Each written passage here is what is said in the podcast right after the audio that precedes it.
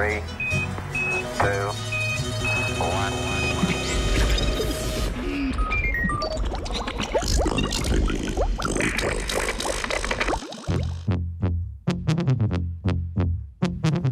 Obramba na račun razmnoževanja. Znanstveniki in znanstvenica z inštituta Max Planck za evolucijsko biologijo so na bakterijah demonstrirali vpliv plenilskega razmerja med organizmi na evolucijski razvoj njihovih lastnosti. Rezultati implicirajo, da organizmi v močnih plenilskih razmerjih večino energije vložijo v razvoj majhnega števila specifičnih lastnosti, kar med drugim privede do manjše diverzitete znotraj teh vrst.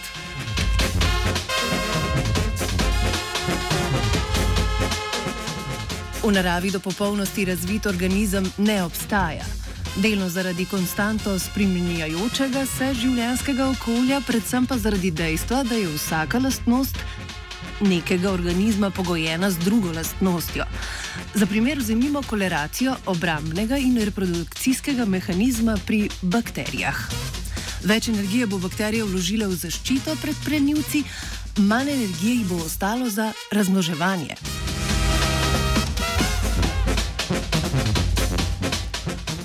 Avtori raziskave so preverjali, kako bosta prisotnost ali odsotnosti planilca bakterije vrste Pseudomonas fluorescenes vplivali na njeno evolucijo.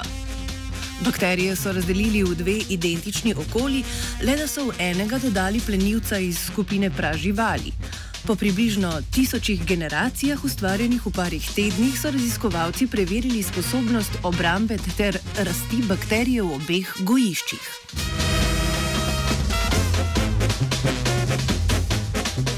Bakterije iz gojišč s plenilcem so rasle izredno počasi. Hkrati so bile nagnjene k združevanju z drugimi bakterijami ter izločanju polisaharidov, ki so jih varovali pred plenilcem. Nasprotno pa so bakterije, ki so živele brez plenilca, večinoma rasle hitro in se niso združevale, vendar pa njihov obrambni mehanizem ni bil dobro razvit. Raziskovalci so na to preučili diverziteto med bakterijami iz obeh gojišč. Opazili so, da je bilo med bakterijami, ki so rasle brez plenilca, veliko raznolikosti. V gojišču so našli tako hitro kot počasi rastoče organizme.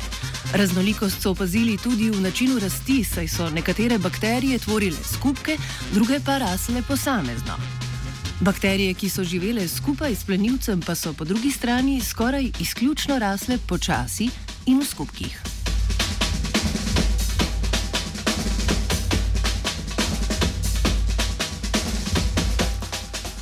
Avtori raziskave so zaključili, da mora organizem v prisotnosti plenilca veliko več energije vložiti v razvoj obrambe, kot pa v razmnoževanje.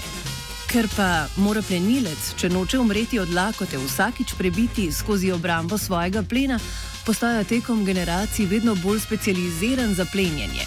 Tako se tvori krok, kjer poskušata plen in plenilec drug drugega premagati v boju za preživetje. Takšno tekmovanje ima za posledico oteženo razmnoževanje ter manjšo raznolikost znotraj obeh vrst.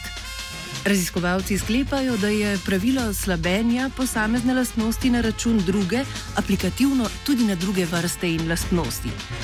V naravi namreč redko katera vrsta živi neodvisno od drugih, zaradi česar je koevolucija prej norma kot izjema.